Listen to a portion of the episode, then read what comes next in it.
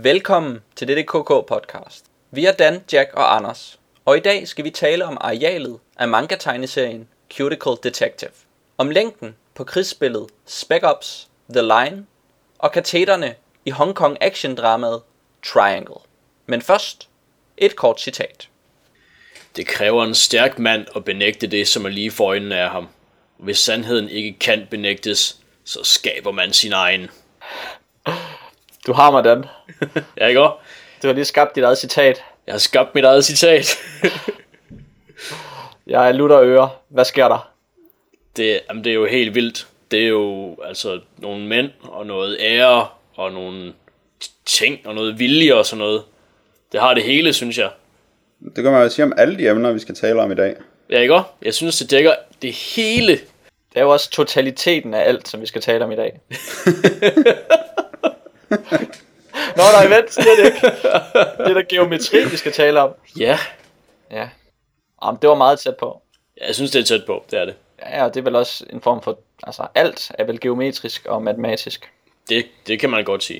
Det kan man godt sige. Så på den måde, tak for den uh, indledning, Dan. Ja, Øhm, som nævnt, geometri, det vil sige, at vi skal tale om en tegneserie, som er udgivet af Square Enix tegneserie, øh, hvad skal vi kalde det, ARM. Øhm, og den ARM har så skrevet Cuticle Detective, hvilket betyder, at vi i løbet af den her podcast også kommer til at finde ud af, hvad Cuticle betyder. Det er vel en lille sidegevinst. Derudover så skal vi tale om computerspillet Spec Ops The Line, meget uret navn, og så øh, slutter vi af med en Hong Kong action thriller, der hedder Triangle, med en serie af trekantsdramaer. Ikke bare en og ikke bare to og alt muligt. Øhm, det bliver super spændende, øhm, og det er fedt at være tilbage igen med det vi kan kalde en normal podcast, efter vi har lavet en episode, der gik i vasken og blev lynoptaget, og så en mindre en normal juleoptagelse, og så en, øh, hvis man har hørt den, skør Twilight øh, viral episode, som ligger ude på nettet. Um, så er vi tilbage i en helt normal DDKK podcast i dag. Så det har vi jo glædet os til, har vi ikke? Meget. så afgjort, ja. Så afgjort. Så øh, Jack, hvad har du lavet på sådan en helt normal uge i et helt normalt nytår? Jeg har læst Joseph Conrads Heart of Darkness, som er en øh, kort roman, lang novelle, som jeg tror mest, er mest kendt for, at Apocalypse Now er baseret på den. Det virker i hvert fald som om, at når folk taler om Heart of Darkness, så taler de i virkeligheden om Apocalypse Now. Fordi jeg synes egentlig ikke, at øh, Heart of Darkness var ikke helt det, jeg havde forventet af den i hvert fald. Den, øh, den manglede noget brutalitet, som jeg tror, jeg måske havde øh, forventet efter at have læst Celines Journey to the End of the Night, som jeg også talte om i, en, i et tidligere afsnit, som har meget den samme fortælling om at rejse ud i, øh, i det afrikanske vildnæs og være postkolonial, sludder kolonial og så videre. Og der synes jeg bare ikke, Heart of Darkness, den pakkede helt så meget punch. Det var ikke helt øh, dystert og hårdt nok. Der er nogle rigtig spændende scener efter, han finder Kurtz, hovedpersonen. Øh, men mest på grund af den måde, som Kurtz bliver beskrevet på. Fordi han er jo et kæmpe mysterium på en eller anden måde, som vi skal forstå er et øh, geni og det største menneske, der nogensinde har levet. Og en masse ting i den dur, uden at man egentlig forstår hvorfor. Men Marlowe, som fortæller historien i Heart of Darkness, han er så overbevist, når han fortæller om Kurtz, at man ikke kan lade være med lidt at blive grebet af det på den måde, som alle, der har været i nærheden af Kurtz, også bliver smittet af ham. Så der er en sjov dobbelthed i det, hvor man på den ene side slet ikke er overbevist, men på den anden side alligevel bliver overbevist. Og det er et meget, meget spændende mysterium, ham Kurtz. Så det var rimelig fedt, men der er godt nok langt ud i junglen, og jeg havde lidt svært ved at, måske ikke at følge med, men for at interessere mig for, hvad han oplevede, fordi det hele var lidt tamt på vej derud. Men lige for at riste op, så er det den her rejse af nogle europæiske søfarer, eller hvad er det? Nej, det er en mand, der er ansat af et, et af de der firmaer, England har, der rejser ud i junglen og smadrer indfødte og stjæler alle deres sager. Ja, Nå ja, og øh, uddanner dem selvfølgelig, civiliserer dem, så de bliver til ordentlige mennesker, de her indfødte, mens de smadrer dem. Og han er øh, ansat af et af de firmaer til at tage ud og overtage en handelsstation eller en høststation, som har været drevet af Mr. Kurtz. Den foregår øh, i 1898, tror jeg, der er den, i, den er udgivet i 1899 i hvert fald. Så han skal derud og overtage den station, og så har han ligesom en rejse ned igennem Afrika, hvor han møder nogle forskellige øh, hvide og sorte mennesker, som bor der er øh, påvirket af kolonialismen. Okay. Jamen, jeg kan nemlig godt, jeg kan jo godt øh, forholdsvis bekendt med historien, da jeg har set øh, spillefilm med Tim Roth i hovedrollen, som jeg huskede som ret fed med, sådan, jeg kan godt lide de der, nu sejler jeg lige på sådan en eller anden, en eller anden flod i Afrika senere. Ja, det, det er også vildt med, eller i hvert fald i Heart of Darkness, der synes jeg det, der synes jeg ikke, jeg har svært ved at, hvad kan man sige, holde interessen. Men, øh, Og sådan uh, safari-hatte og sådan nogle ting. ja, Det kan jeg også godt lide. ja, men den tager sin tid også, det gør den. Ja, jeg synes, øh, det manglede noget kant. Men som sagt, jeg har også lige læst Celine, hvordan han beskriver cirka den samme rejse. Så det kan godt være, at de der 20 år, der er imellem dem, det bare giver ham en fordel. Jeg tror, jeg tror, det er fordi, at det ligger meget under overfladen. Altså nu har jeg også læst Conrads rejsedagbøger, og de er sådan en, en del mere brutale, så jeg tror, det er et bevidst valg, at han vælger ikke at være så øhm, direkte i de beskrivelser. Nå, men det er også fair nok. Den bliver bare meget Ja. solgt, som at den er brutal. Okay, det, det, det ved jeg så ikke. Det, det tror jeg ikke, jeg har, jeg har hørt om eller tænkt på, når jeg har læst den. Men det er selvfølgelig også mange år siden, jeg læste den første gang. Ja, der er sket meget siden den. Jeg ved ikke, om der er sket meget siden, men så havde jeg måske ikke hørt så meget om den, før jeg læste den. Ej, men det var for, at jeg, så kunne jeg spørge dig bagefter, hvad har du så lavet siden?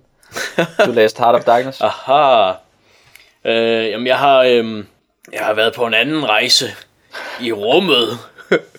øh, jeg har nemlig spillet FTL, et computerspil, som øh, står for Faster Than Light. Og øh, det har jeg glemt at nævne helt mange gange, men jeg har faktisk spillet det en hel del, så jeg synes, at, at det var på sin plads at nævne det.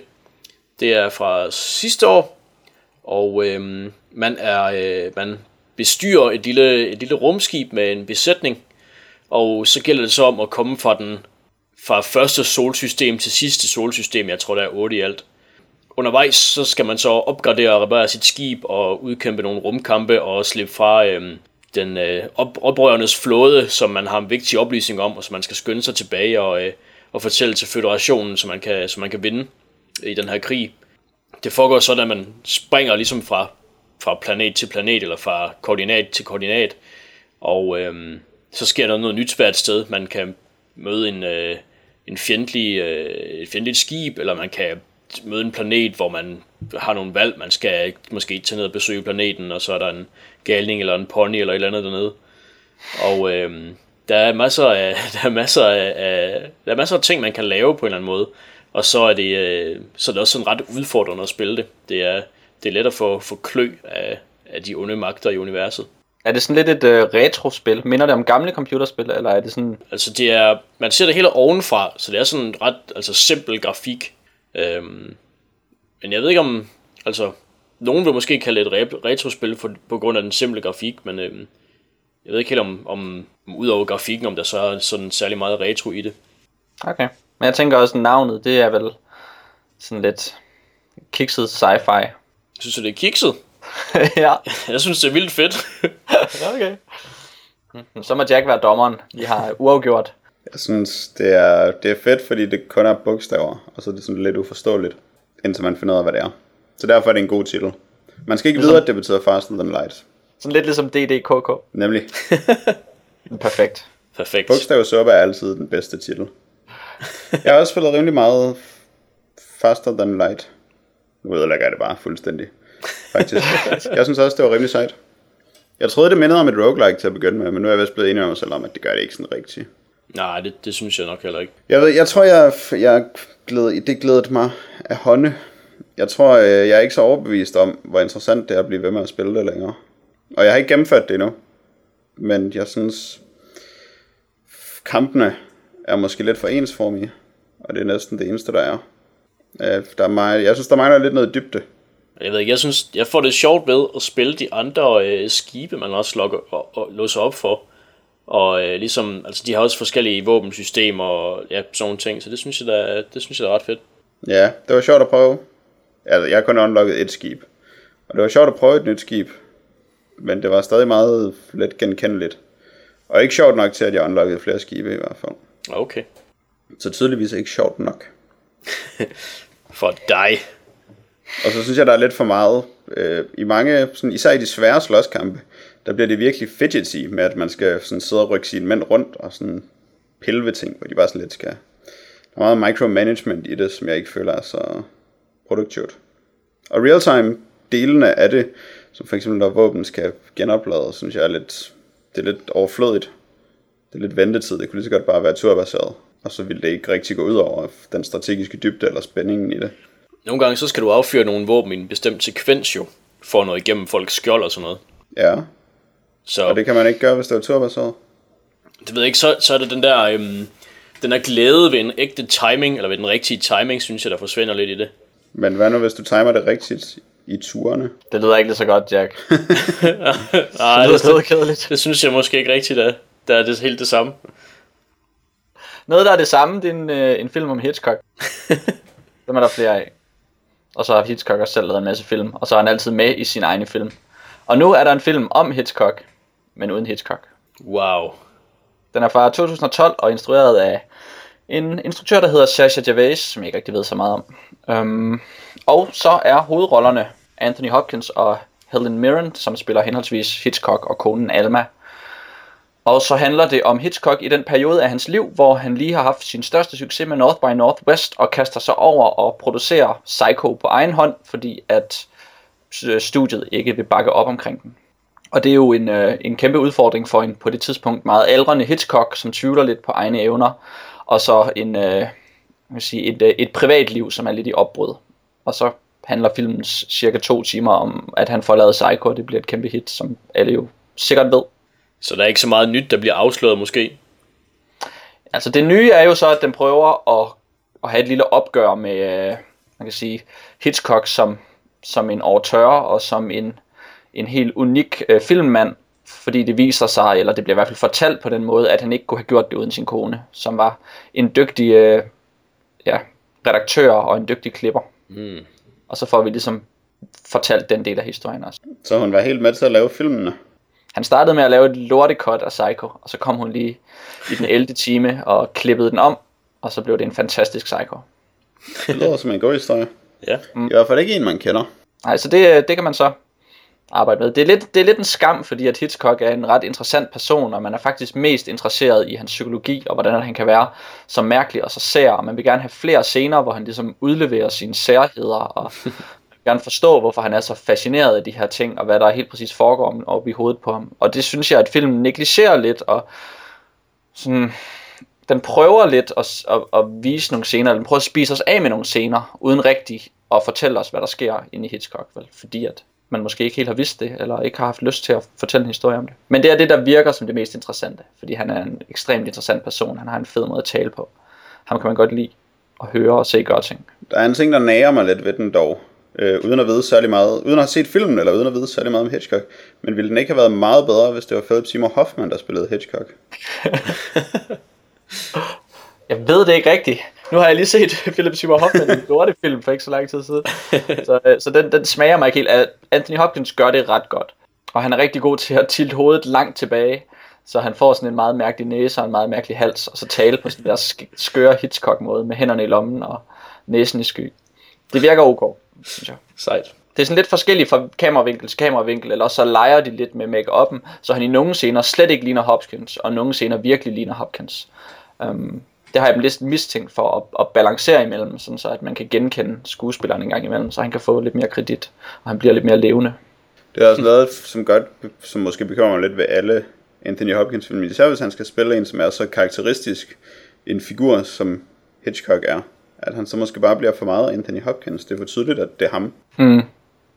Ja, jeg synes, den bølger lidt ud af, nogle scener er gode, nogle er knap så gode. Men, men altså, man har lyst til at vide mere om Hitchcock, øhm, når man ser filmen. Man har lyst til, at den går i kødet på Hitchcock. Og det gør den overhovedet ikke nok. Mm. Og så handler den om sådan et, et trekantsdrama og jalousi og sådan nogle af hans lyster, men det er på sådan en meget øhm, stueren måde, den omhandler det. Der er nogle huller i væggene, hvor han sådan kigger på, på damerne, mens de klæder om, men det er lavet på sådan en hyggelig måde. mm, det er lidt... Okay. Ja, Hyggelig gammel stodder. hyggelig gammel stof. Ja, det, er lidt, øh, det er lidt der, vi er. Han gør ikke nogen noget. ja, Ja, okay. Så, så vidt vi ved. Eller det gjorde han vist. Det er jo så også en af de opgør, man kunne have haft. Men, ja. Igen, altså, Philip Seymour Hoffman.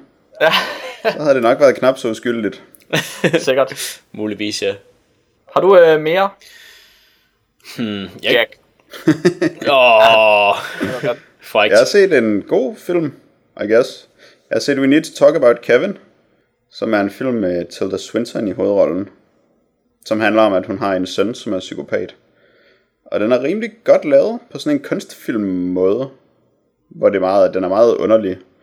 Og er sådan lidt skør at følge med i, men alligevel ikke så svær at følge med i. Man føler meget, hvad der foregår. Og det er jo selvfølgelig dejligt.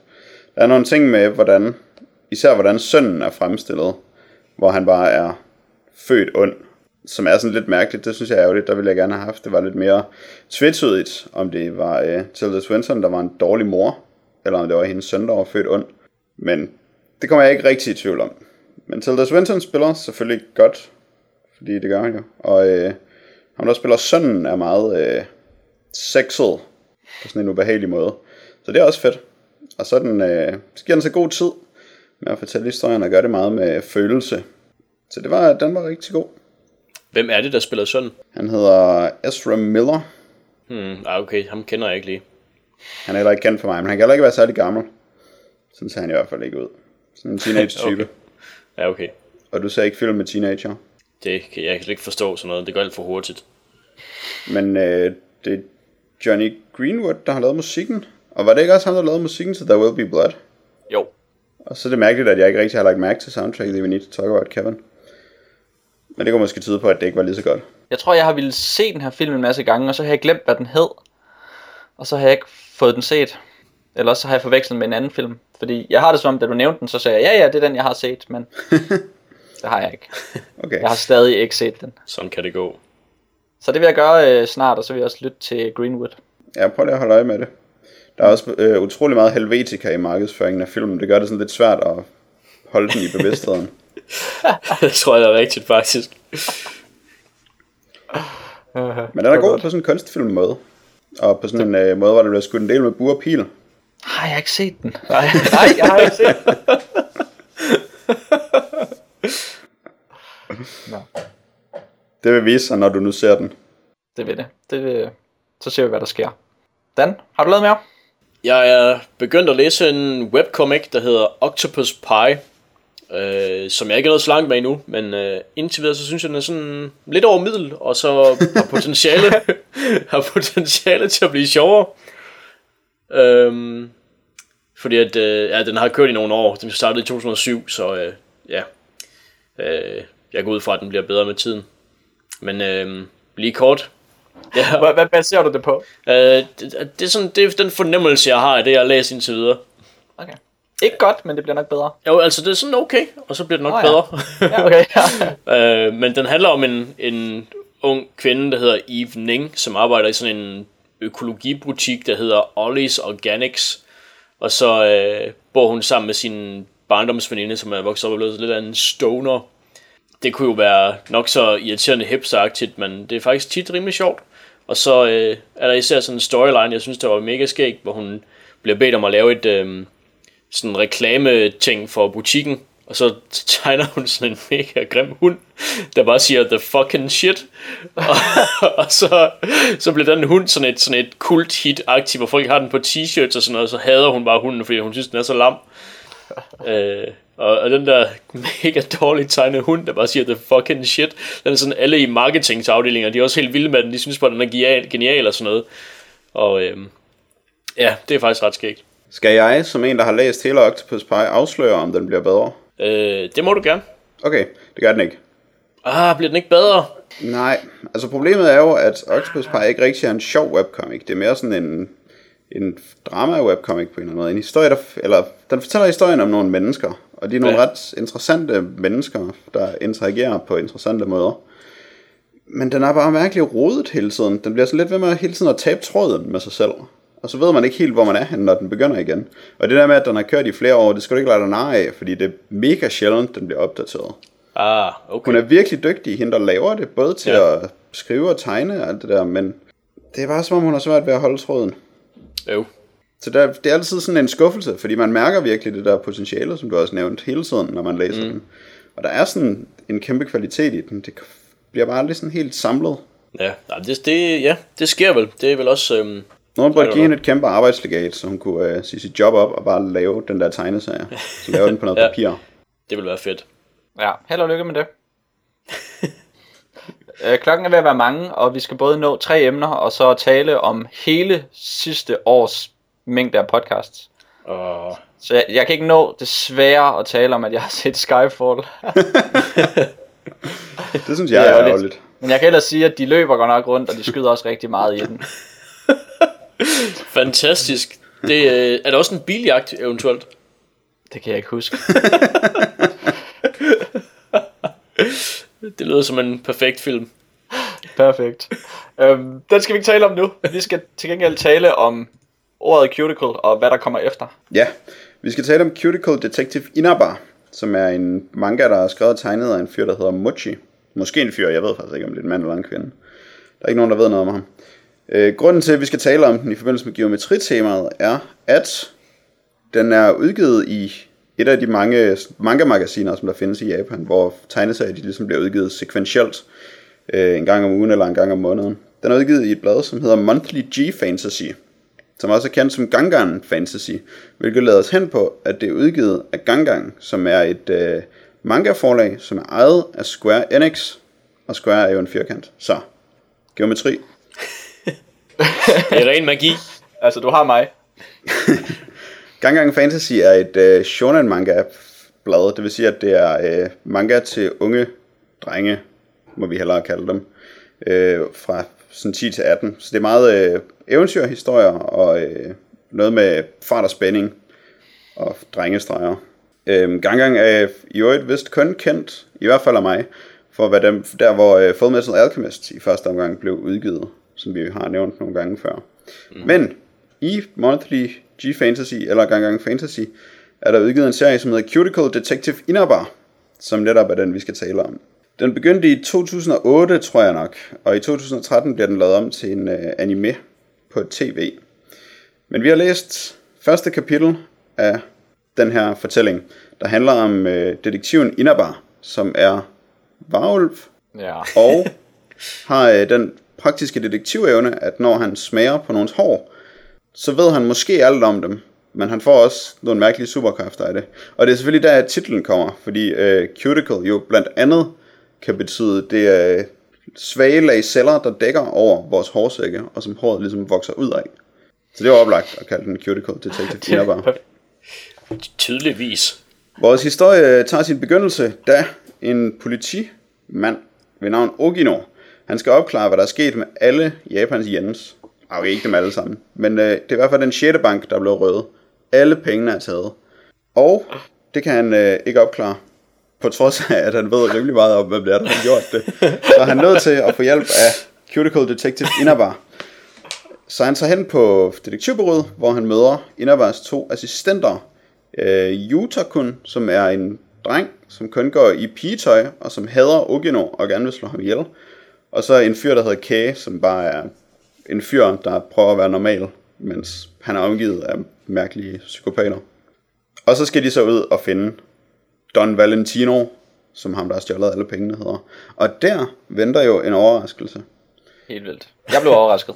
Også jeg. Jeg vidste det, og så havde jeg glemt det, og så blev jeg helt vildt overrasket. Var det det eneste tidspunkt, du blev overrasket på i løbet Jeg tror, jeg blev overrasket cirka sådan hver, to gange per side i den her tegneserie. Det var ja. faktisk ret fedt at læse. Det var jo ret komprimeret øhm, information, man får, også fordi så langt er det jo ikke, og det er jo ikke et format, det er meningen, man skal fordybe sig så meget i, men at man bare skal få vildt meget payoff hele tiden. Ja. Af gakkede kommentarer, som man ikke rigtig ved, ved, om det skyldes, at de er fuldstændig sindssyge, dem der har skrevet det, at det, der er noget kulturelt, eller at dem der har oversat det, måske har oversat det lidt, øh, lidt skørt. Ja. Så der er ret mange ting på spil, og jeg tror måske, at de alle sammen spiller ind i lige præcis øh, den her historie her, som vi har læst. um, så det er bare et eksempel på noget fuldstændig åndssvagt, der sker. Har I noget? Altså, for eksempel Don Valentino viser sig jo, udover at han er en italiensk gangsterchef, så viser han sig også at være en ged i sådan en lille vampyrkappe. ja, det er rimelig godt. Det, øh, ja, det, der, der var jeg også overrasket, og den ged, den er tegnet ret sjovt, så det var faktisk ret, øh, det var faktisk ret skægt. Ja, det var en rigtig, rigtig fed ged. Ja. Må jeg sagt sige. Øhm, ja, og så sker der jo, altså deres reaktionsmønstre er jo så også, man kan sige, meget manga men det er altid underholdende at se, hvad de finder på, de skal bruge til at skildre en reaktion, for eksempel øh, når vores detektiv bliver øh, sur på politibetjenten og begynder at kaste saltsten på ham. øhm, og så efterfølgende, hvordan at han kommer til at tænke på Don Valentino, og jeg tror det er efter, han har tegnet et overskæg, som politibetjenten bliver totalt øh, forvirret og, og, og sådan øh, føler ubehag overfor. Og så næste frame, der, der er vores øh, detektiv dækket i sit eget savl. Ja. Jamen, jeg tror, overskæget var en god ting, jo. Nå. Aha. At det var, så var der mere hår, og så var det bare et overskæg. Ja, fordi uh, Cuticle Detective Inaba, han synes jo, at hår er ekstremt seksuelt tiltrækkende. Ja. Og det er egentlig derfor, han går med til at hjælpe politimanden Ogino med at finde det. Det er fordi, han virkelig gerne vil vaske Oginos hår. Fordi det vil være den mest erotiske oplevelse. så det har han tænkt ja. og så forestiller han sig den her uh, italienske gangsterboss, at han har uh, hvidt hår, og det er virkelig længe siden, han har smagt på hvidt hår, og det vil bare være utroligt sexet. Og så, mens han står og forestiller sig det, så skynder en af assistenterne at male et portræt af Don Valentino, som ingen ved, hvordan det ser ud, hvor han så maler en, en mand med flot hår og et overskæg. Ja, lidt sådan en snake-agtig type, bare med mørkt hår og overskæg. Bliver det for alvor erotisk.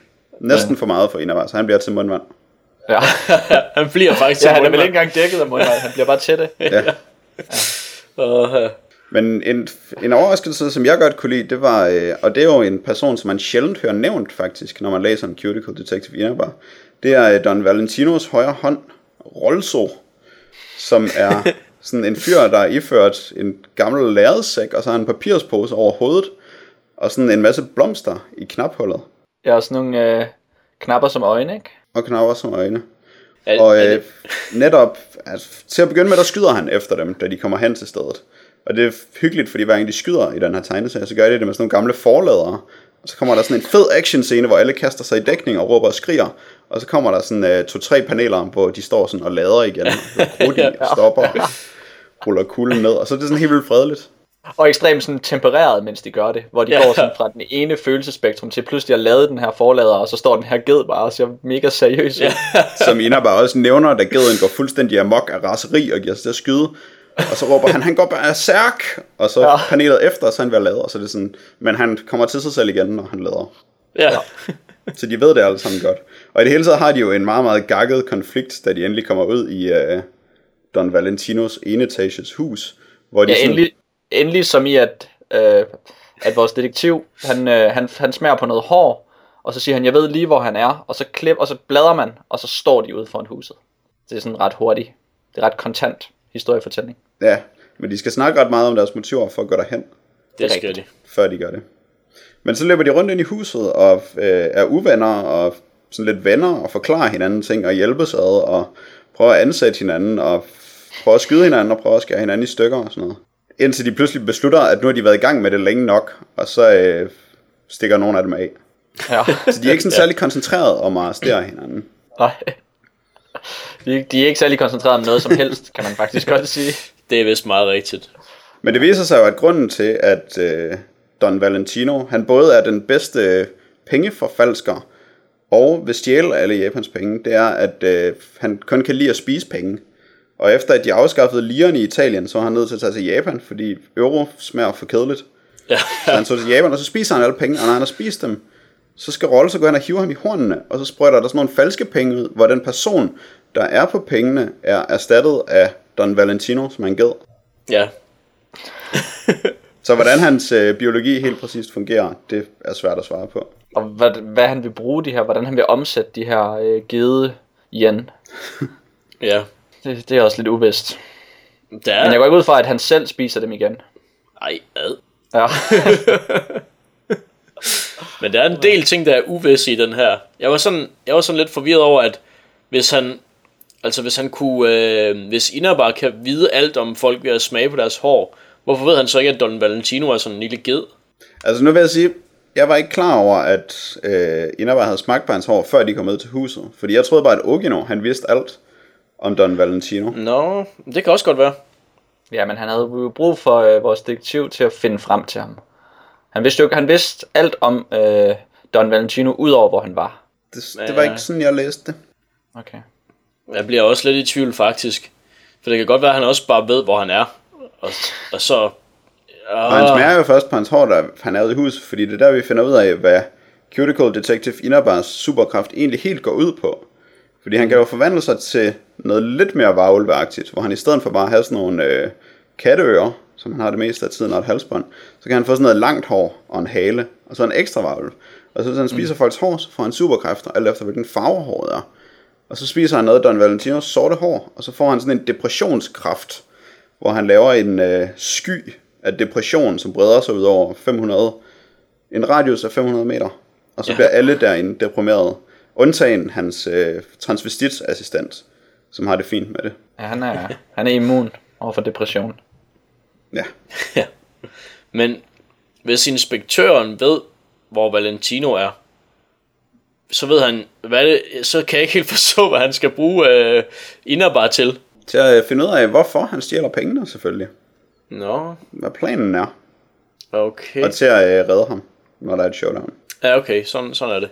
Og at, ja, det virker ikke så vigtigt.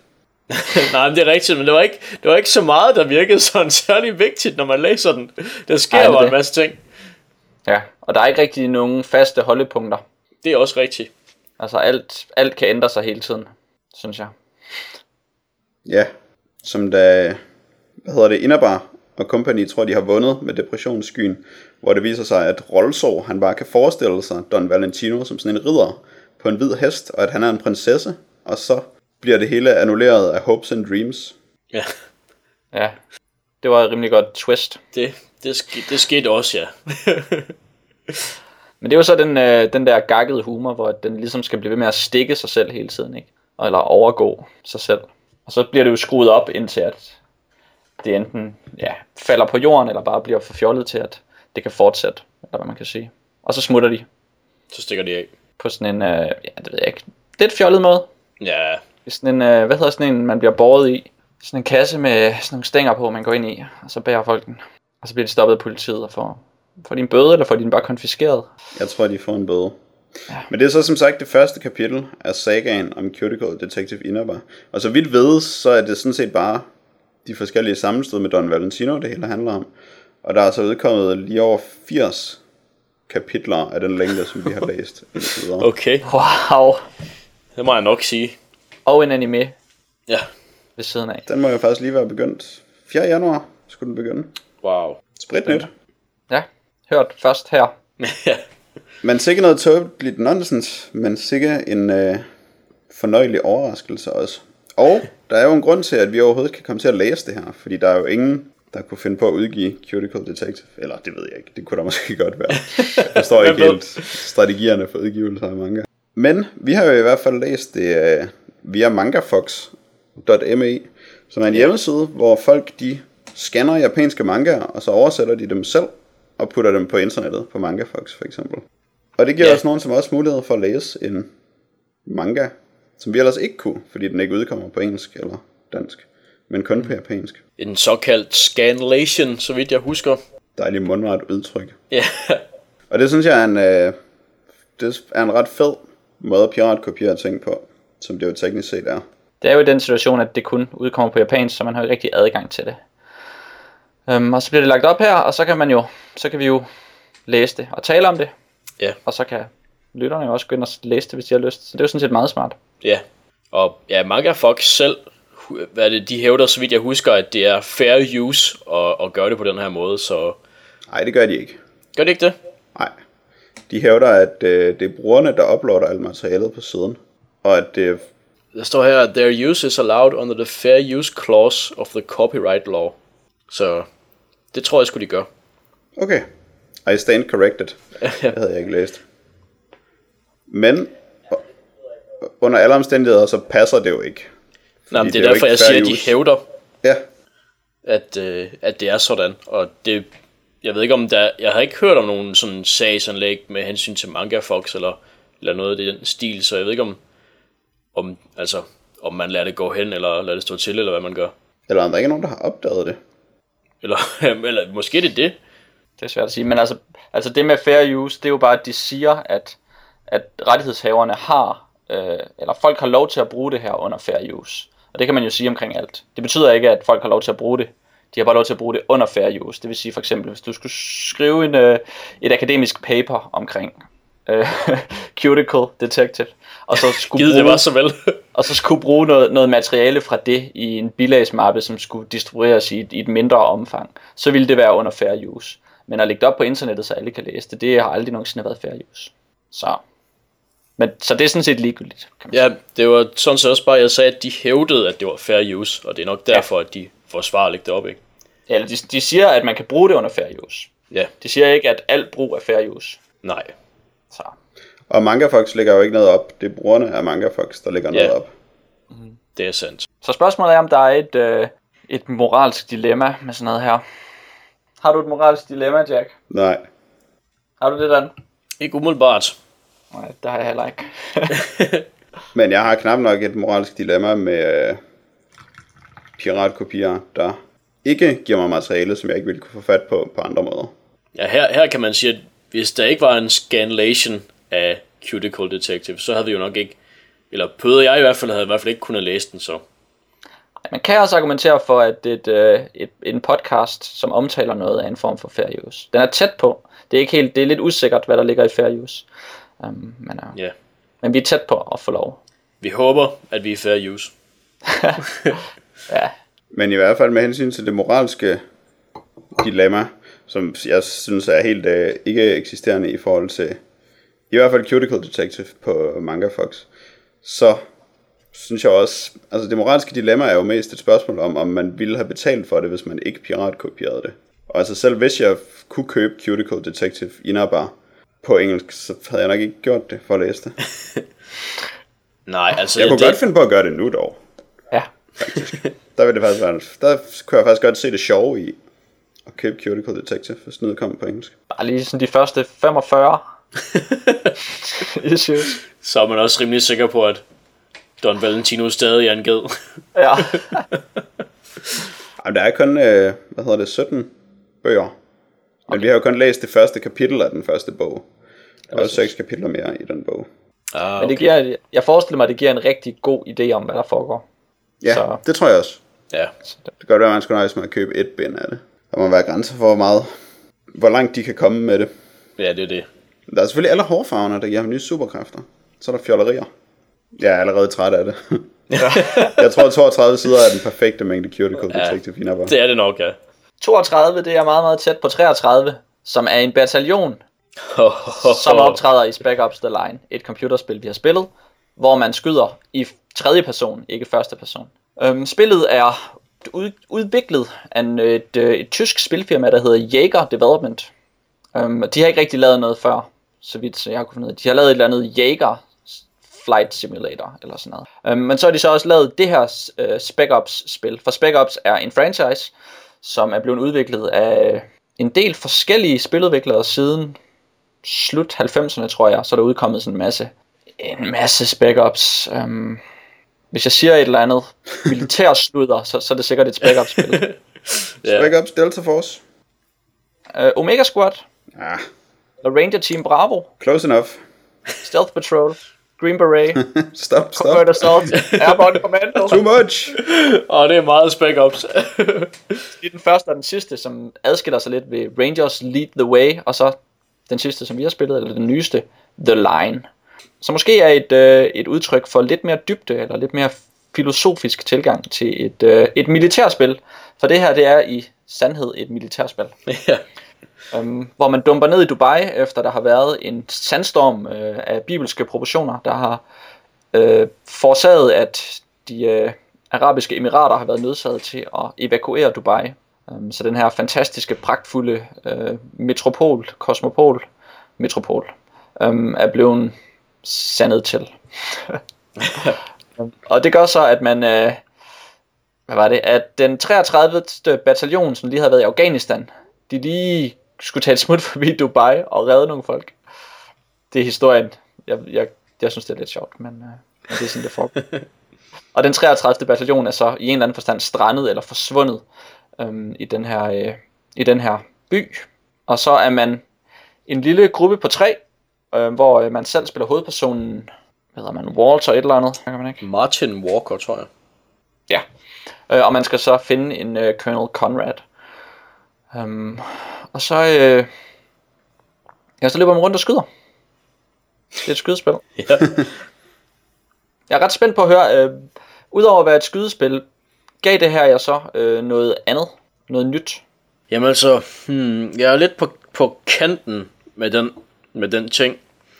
Øhm, fordi at jeg brugte faktisk et godt stykke tid på at være irriteret over, at det var så meget sådan et militært skydespil, som det var.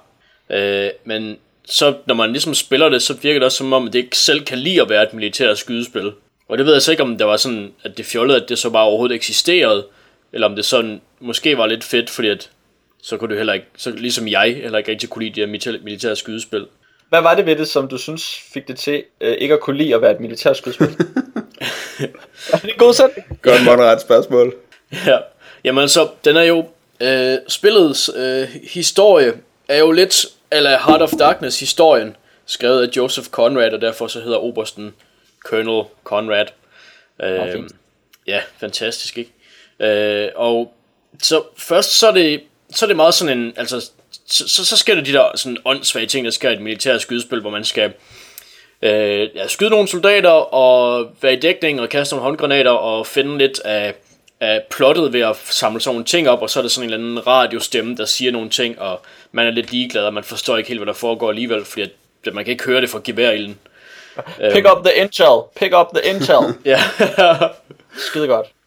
ja og, øhm, og det, det, det var sådan lidt irriterende, men øhm, så man så kommer hen af, øh, i, længere hen i spillet, og så man ligesom som Walker der øh, oplever mere forfærdelige ting og bliver stillet over for nogle sadistiske valg af, af, af obersten på, øh, på radioen og så videre, så er det også som om, at den bliver øh, spillet, øh, udover at selve historien er, er modbydelig, eller man skal sige, så også selve øh, interfacet og, og ens egen karakter bliver også mere modbydelig, sådan at han, øh, altså han bliver mere ødelagt, og øhm, hans øhm, ordre bliver sådan mere øhm, øh, hæftigt råbte, og han, øh, når han øhm, dræber soldater, der ligger ned, så gør han det mere brutalt og sådan nogle ting.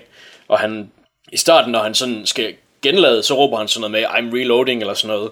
Og så længere hen i løbet af, af spillet, så begynder han bare at råbe sådan, ah, this is slowing me down, og så han vil bare dræbe flere og sådan noget.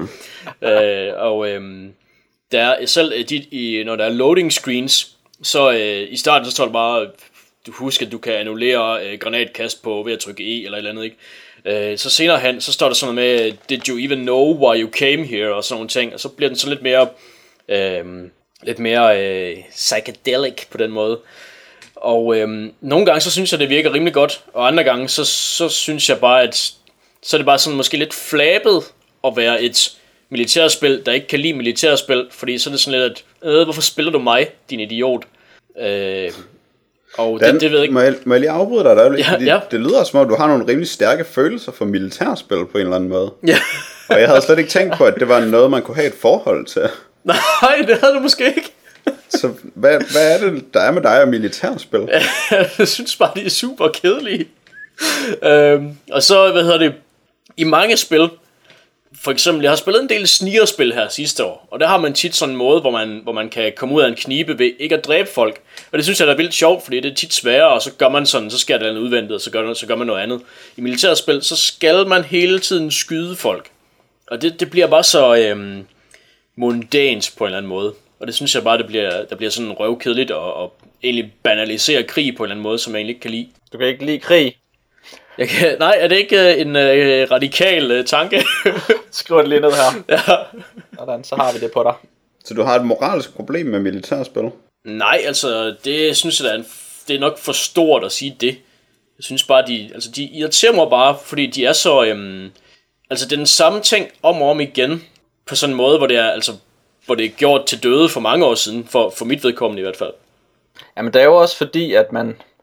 Altså, du spiller jo ikke bare et militærspil, hvor man er en eller anden soldat. Der er jo så meget øh, soldaterkultur indlejret i de her spil her. Jeg har efterhånden spillet en del øh, Modern Warfare og også Bad Company for inden, mm. øhm, hvor det virkelig er den her soldaterkultur, som man skal være en del af, og så skal man rende rundt og være lidt soldateragtig, og så pludselig skal der være en masse kaos, som man skal reagere på ved at skyde over det hele, og man har nogle venner, der også skyder, og man har sådan en, måske skyder man de forkerte folk hele tiden, og man skyder rigtig mange af sine egne, og hele den her, at, man, at det skal være en krigssimulator, men det skal også være sådan en kulturel soldater-emulator på samme tid. Og det, øh, ja, det, det, er også, det synes jeg også er meget trættende, og det, har jeg også, det havde jeg virkelig fået, kunne jeg mærke, at jeg havde fået for meget af, da jeg begynder at spille det her Spec Ops The Line, fordi at det er fra starten af. Måske også lidt med vilje, måske er det lidt et retorisk knep, en, en, en stråmands øh, argumentation, som Spec Ops laver, for, fordi at det virkelig bliver så sådan lavpandet soldateragtigt, mm. det hele. Um, de gør en dyd af at sige American sådan tusind gange i løbet af, af, af spillets første kvarter til 20 minutter. Og det, øh, og det gik også mig lidt på. Ja. Yeah. Men uh, Jack, kan du ikke kommentere det, som Dan sagde først, omkring at spillet var specielt? Så er jeg måske lidt i et mindretal her, fordi jeg har slet ikke noget forhold til militærspil, og jeg har aldrig spillet det, som uh, jeg tænker på som et moderne shooter. Altså et moderne skydespil. Og jeg tror måske, jeg definerer det ud fra den her idé om, at man skal gå i cover hele tiden. Fordi det virkede som sådan noget, der kom med, at øh, skydespil på konsoller blev en ny ting. Og mm. det blev lidt til en anden slags spil, end det, som jeg forstod ved skydespil. Jeg tror, det sidste skydespil, jeg spillede, det var Doom 3, før jeg spillede Spec Ops The Line. Så måske har jeg været meget, øh, meget jomfruelig, da jeg kom til Spec Ops The Line. Men jeg synes i hvert fald også, at øh, det var meget specielt og ekstremt sjovt og ekstremt medrivende og jeg var helt fjollet med det. Jo, jeg synes, altså, jeg synes, det er et specielt spil, fordi jeg synes, det fortæller en, en speciel historie. Jeg, det ved jeg, det er jeg ikke helt overbevist om, hvad man kan sige, men den tager i hvert fald nogle klichéer fra nogle andre steder, og blander lidt sammen og sætter dem ind i, øh, i nogle nye omgivelser. Så det synes jeg øh, gør det specielt, sådan set næsten lige fra starten af. Jeg synes, det miljø, som man går ind i, det alene var nok til, at jeg blev, jeg blev helt wowet Nærmest kan du komme med et eksempel på, øh, på, hvad den tager udefra og blander ind? Det kommer lidt an på, hvor meget vi skal tale om plottet og dets twists, tror jeg. Men altså i første omgang, så er det øh, det, som spillet selv kalder very post-apocalyptic. De her scener, hvor man ser sådan Dubai udefra, der er dækket af sand og er smadret, og i det hele taget bare er post-apokalyptisk. Det synes jeg er mærkeligt at gå ind i, som sådan en almindelig soldaterfyr. I hvert fald en fyr, jeg får præsenteret som en almindelig soldaterfyr. For jeg tror måske også, jeg vil være sådan lidt mere elite-aktiv og Delta Force-agtig, Men fordi Delta Force måske var min referenceramme for de her spil. Og det ligner jeg, men så går jeg ud i ørkenen til noget, som jeg egentlig synes er en utroligt god idé. Et postapokalyptisk Dubai. Og så er der hele den psykologiske del af spillet, som jeg synes var noget andet, og twistet. Og, altså det var ikke ting, som jeg havde forventet, at det her spil, eller af den her historie. Nej, vi, jeg ved, går ikke ud, for vi behøver at tale om game mechanics særlig meget, fordi det er så etableret alt, hvad der sker. Jeg har dog lige et lille spørgsmål, fordi når jeg læser om spillet, så virker det som om alle synes, at det er øh, allerhøjest middelmådigt sådan at løbe rundt og skyde og gemme sig og så videre i det her spil. Og jeg synes, det var vildt sjovt.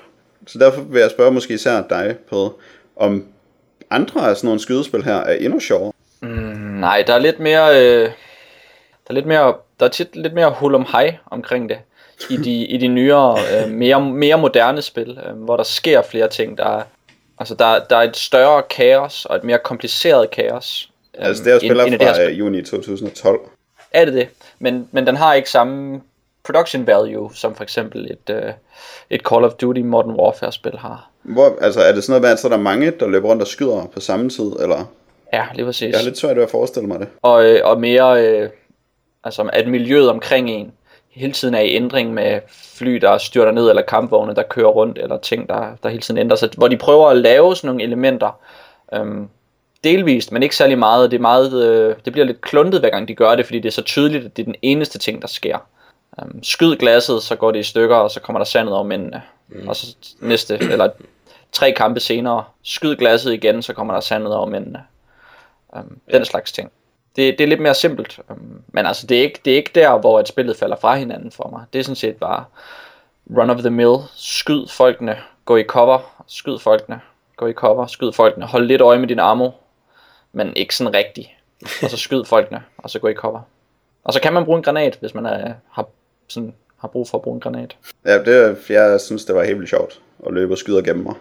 Så hvis det er endnu sjovere i andre skydespil nogle dage, så, øh, er jeg måske interesseret, måske ikke. Fordi det var dog ikke det, som øh, gjorde, at jeg hele tiden glæder mig til at spille mere The Line. Gang jeg gik væk fra det, så havde jeg lyst til at gå tilbage og spille mere for at finde ud af, hvad der skete. Altså, jeg har ikke fået så stor en fornemmelse af historien i det her spil her, så jeg blev aldrig rigtig grebet. Jeg, jeg, men jeg er så også kun kommet til der, hvor der begynder at komme sådan nogle mænd med knive. Jeg ved ikke, om det er for tidligt i spillet, til at man har en fornemmelse af historien. Ja, jeg tror, der kommer mere senere i hvert fald. Hvad er det mest ubehagelige, du har gjort indtil videre? Um, altså, der er sådan en lang sekvens, hvor man skyder på sine egne sådan, soldater. Eller også amerikanske soldater. Og så indimellem, så skal man bare sådan dræbe folk, der ligger ned for, eller der er besvimet for at få deres våben. Okay, så du har kun skudt på din egen indtil videre. Ja, Så du er ikke sådan rigtig nået til noget, du er ubehagelig endnu. nej. Men jeg er lidt spændt på, hvad det kunne være. Det, bliver, det bliver værre i hvert fald. Øhm, jeg synes, Hvad? Hvad? Ja, ikke også? Så bliver man helt vild. Øhm, jeg synes, at noget der, noget, der fik mig til at varme op til spillet, det var hen imod slutningen, hvor jeg synes, at det blev langt mere interessant. Hvor der var lidt mere... Øhm, jeg ved ikke, hvor det virkede mere psykologisk på en måde, jeg godt kunne sætte mig ind i, fordi nu havde jeg tilbragt så lang tid som med Walker, at jeg gad, øhm, at jeg gad at vide, hvad der skete med ham, og jeg gad at bryde mig om ham på en eller anden måde. Har du gennemført spillet, Dan? Ja, Okay. Jeg synes netop det der med, at man sådan blev, øh, altså man blev meget overbevist af den der psykologi, og øh, jeg følte faktisk ret meget i forhold til de beslutninger, der blev truffet. Mm. For eksempel så har den sådan nogle situationer, hvor man tydeligvis skal træffe et moralsk valg, som computerspil jo så ofte har, som er rimelig binære. Øh, og jeg tror det første eksempel, der er der en fyr, som ved et eller andet, som man ligesom øh, har slået ned, og sådan gerne vil snakke med. Og så går man hen til ham og kigger på ham og snakker sådan lidt med ham, og øh, han bliver ved med at snakker man, at man ikke skal slå ham ihjel, og samtidig så er han ved at samle en pistol op, tydeligvis for at skyde en. Og så skal man tage stilling til, om man vil vente og se, om spillet egentlig har tænkt sig at lade ham skyde en, eller om man skal skynde sig at skyde ham, inden, at det, er, inden det er for sent. Og der kunne jeg faktisk ikke få mig selv til at vente og se, hvad der skete. Så der blev jeg nødt til at skyde Ja, ham. ja. Jamen det er jo, altså det, det er jo en af de valg, som spillet gør ret godt. Jeg mener, at jeg, jeg husker, der er noget før det, hvor der hænger sådan en soldat og en, øhm, en civil, øh, og så er der sådan nogle øh, snigskytter, der, øh, der ligesom sigter på dem. Og så siger øh, Obersten over radioen, at den ene øh, stjal vand, og det er sådan noget med, at Dubai mangler vand, og det er helt vildt farligt, og alle dør, hvis der ikke kommer vand og sådan noget. Så den ene stjal noget vand, og så den anden, altså soldaten, løb efter ham, og i processen med at, med at fange ham, så kom han til at skyde nogen fra hans familie eller sådan noget. Og så er det så meningen, at man så skal vælge, hvem af de to, der skal dø på grund af den her forbrydelse. Jeg ved ikke om, det, det, jeg tror den er før den med, med pistolen, med manden der ligger og taler, er den ikke det? Måske er den, det kan jeg ikke lige huske. Okay. Jamen, det, der synes jeg, at øhm, den, den, den kunne jeg godt lide i hvert fald. Hvem skød du? Øh, jeg skød snigskytterne, okay. og så døde de begge selvfølgelig. men altså, ja. Men det var fandme mit valg, og det synes jeg, det var fedt. Det er også meget øh, overlegnet valg. Ja, det det, hvad gjorde Jack? Øh, jeg skød soldaten. Det var sådan øh, mellemvejen. Ja. Men det der med, at man skal vælge, om han skal dø for at have stjålet vand, er det før eller efter, man selv stjæler alt vandet i Dubai og springer det i luften? Jeg mener, det er før faktisk. Okay. Fordi ja, man stjæler jo selv alt vandet og, og udrydder det så, at byen vil, hvad hedder det, ja, de vil øh, være fuldstændig tørke om fire dage eller sådan noget. Okay, men jeg kan godt sige, at vi skal passe på med ikke at spoile for mange dele af. Ja. det her spil her, fordi at det, er, det virker som, at det er en stor del af, af forløbet. Og hvis der er noget at komme efter, så skal vi jo... Det er rigtigt nok. Altså, så, så det er, altså, ja, altså, alt i alt, så vil jeg sige, så, så synes jeg faktisk, så kunne jeg også godt lide at spille det. Og fordi at jeg blev så, øhm, eller jeg, jeg, jeg ser det som en positiv ting, at jeg nogle gange blev så skide provokeret over spillet, fordi at, ja, så har det, altså, så har det i hvert fald ramt noget rigtigt. Øh, om ikke andet med dets ambitionsniveau, og måske ikke altid med, med hvordan det udfører det, men i hvert fald så har det gjort et eller andet rigtigt for mig i hvert fald. Det har det også for mig, og der kommer mange flere af de der valg, som man skal træffe, øh, hvor jeg sådan virkelig følte valgene. Og der var også nogle situationer, hvor man mere bare sådan var i gang med det, som man altid er i gang med, hvor man skal løbe rundt og smadre ting og sådan noget, hvor jeg sådan ufrivilligt tænkte, at det er for meget det her. Jeg synes, jeg overdrev lidt med, hvor meget jeg smadrede, og hvor mange jeg slog ihjel. og det, det, det har jeg aldrig tænkt i et computerspil før. Jeg har aldrig haft moralske kvababelser med hverken at øh, ødelægge eller slå ihjel. Bliver man ved med at have sine to venner med? Øh, ja, Egentlig ja. hen, ja. Ikke hele vejen igennem spillet, men man bliver sådan lidt skilt ad og finder hinanden igen, og skilt ad og finder hinanden. Okay, fordi dem, sådan nogle kan jeg ikke så godt lide. Jeg kan godt, jeg kan godt se, at der er et problem i, at man render rundt ene mand helt alene, og så nedkæmper tusindvis af soldater. Det er sådan lidt en skør historie. Hvorimod, hvis man er tre og nedkæmper tusindvis af soldater, Ja, så, så, så, får man lige, så får man lige et nyk mere realisme, eller der, der er et eller andet, man, man køber, og der, det skaber også en dynamik omkring kampen, at man skal altså være, altså man skal være med til at skyde, eller så dræber de jo dem alle sammen, og så får man ikke selv lov til at dræbe nogen. Altså jeg har det gange som, at de, at de, de stjæler mine kills, ikke? Jeg ved ikke, om I fornemmer den, når I spiller Øh, sådan. jeg har det tit, at, at øh, de kommer i vejen, og jeg gider ikke passe på dem, så jeg vil også nogle gange bare være alene, når jeg dræber tusindvis af soldater. Okay. Og jeg havde mere det, du havde på med, at øh, de sådan stjal min sjov. Fedt. Og, men øh, jeg, og jeg var også irriteret over, at de var med til at begynde med, at jeg ville gerne, have, jeg ville gerne være alene. Mm. Men øh, den måde, de spiller ind i historien på, gjorde, at øh, jeg blev sådan rimelig glad for dem Ja, undervejs. Og, øh, og jeg synes, det var rigtig fedt, at de var med til at være de andre perspektiver på situationerne. Nogen, som forholdt sig til mine beslutninger, og måske lidt kommenteret, hvor sindssygt fucked up det var, det jeg gjorde nogle gange. Men Dan, er det virkelig sådan, fordi man når længere i spillet, at han smadrer folk meget mere vemmeligt, når øh, man har slået dem ned? øhm, det var i hvert fald mit indtryk, fordi i starten, så var jeg sådan ret, eller så var Walker sådan ret kold og metodisk, og til sidst, eller senere hen i spillet, så, så slog han rimelig mange gange folk i hovedet med sit geværskæfte, synes jeg. Ja, det, altså det er rigtigt. Jeg havde også godt lagt mærke til det, men jeg tænkte bare, at det var sådan et eller andet med, du ved, hvor man trykker på dem henne, eller hvem der man trykker på, så vil man dræbe dem på forskellige måder. Men i starten, der, når han har slået nogen ned, så slår han dem bare ud, sådan for at Ja. ja. finish dem off, ikke Ja, også? det er faktisk rigtigt, ja. Uden at slå dem ihjel. ja. Jamen, det siger lidt sådan splat-lyd, mener jeg. Man får en fornemmelse af, at det er lidt, lidt, lidt grov vold, man, man udfører. Okay, måske ja, men det, Død, dødelig grov vold, Ja. og så står der execute. Også. det er selvfølgelig rigtigt. Men det, det bliver meget værre senere. Jeg fik ikke indtryk af dødelig vold de første gange, men det gjorde jeg senere hen i spillet. Ja, Særligt grov vold med døden til følge. ja, lige præcis. Beskriver meget godt det meste af det, Walker han laver.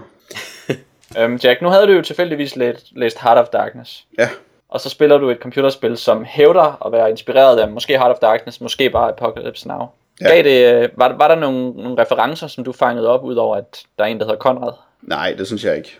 Øhm, jeg synes, det er lidt søgt. Altså, Conrad bliver meget beskrevet som øh, Kurtz bliver beskrevet mm. i bogen, når Walker taler om ham. Men sådan, jeg ved ikke, i handlingsforløbet og ideologien, så er jeg ikke sådan helt overbevist. Og øh, Spec Ops plots twist er også sådan, øh, det, jeg synes, det gør historien til meget noget andet end Heart of Darkness. Fordi jeg fik en helt klar Apocalypse Now fornemmelse ret tidligt i spillet, uden rigtigt, at det var noget, jeg havde øhm, været, øh, været udsat for, eller fået fortalt, der skulle være. Igennem øh, den musik, der kommer, der er en del syrerock, Ja. også af ældre øh, da- dato, for eksempel noget Jimi Hendrix og sådan nogle ting, som kommer ind og, og spiller henover, at man skyder, så man får sådan en...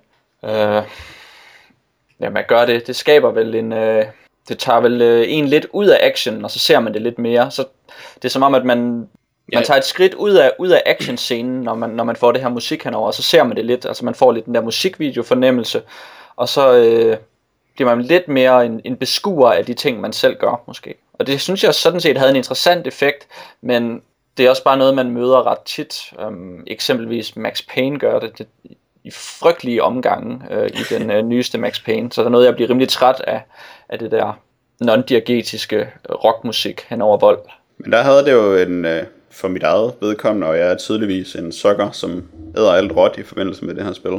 Altså der, for mig der havde det selvfølgelig også den effekt, at det evoker Apocalypse Now, som, og Apocalypse Now er det rigtig godt. Jeg tror meget mere, det er den, The Line er inspireret af egentlig, og, og det er med til at give den der følelse af, at man virkelig rejser ind i sådan et uigennemtrængeligt mørke, som man jo også gør i spillet. Og det passer det der psykologiske rock af en eller anden, sandsynligvis på grund af Apocalypse Now, utrolig godt ind i. Det er sådan en, øh, hvad skal man sige, en genvej til den der følelse af ubehageligt mørke. Det er bare at Ja. spille psykedelisk rock. Ja, det virkede også, men jeg kunne også mærke, hvordan det ligesom var lidt en kold, klam hånd, som prøvede at snige sig ind i, i spillet, og jeg var ikke, øh, jeg var måske ikke helt åben over for det i første omgang. Så. Og så tænkte jeg bare på Max Payne.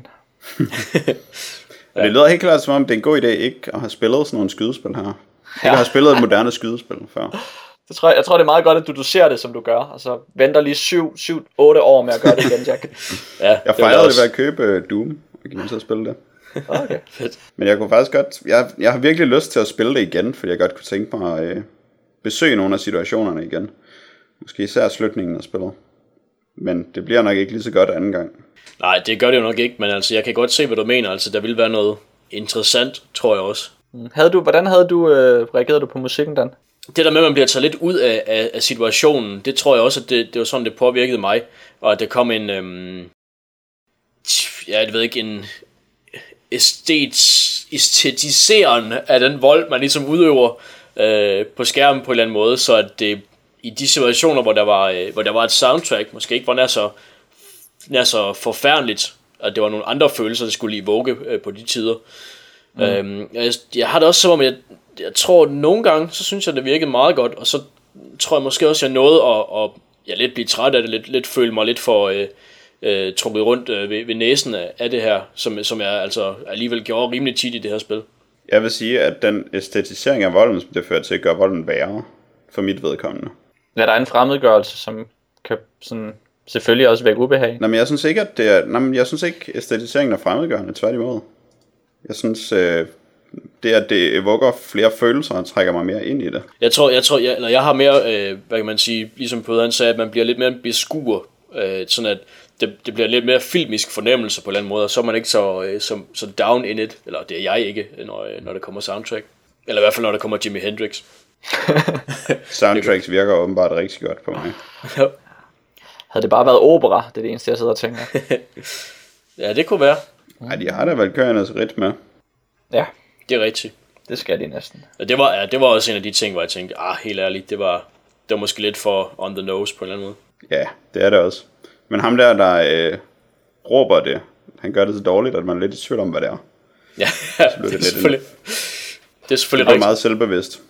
Apropos tvivl, så havde jeg vildt bøvs, øh, svært ved at holde styr på space og shift-tasterne hele tiden. Fordi at man Okay. skal bruge hvad er det, space til at hoppe ned og shift til at hoppe over. Ja, ja, det er nok rigtigt. Det messede jeg virkelig meget op.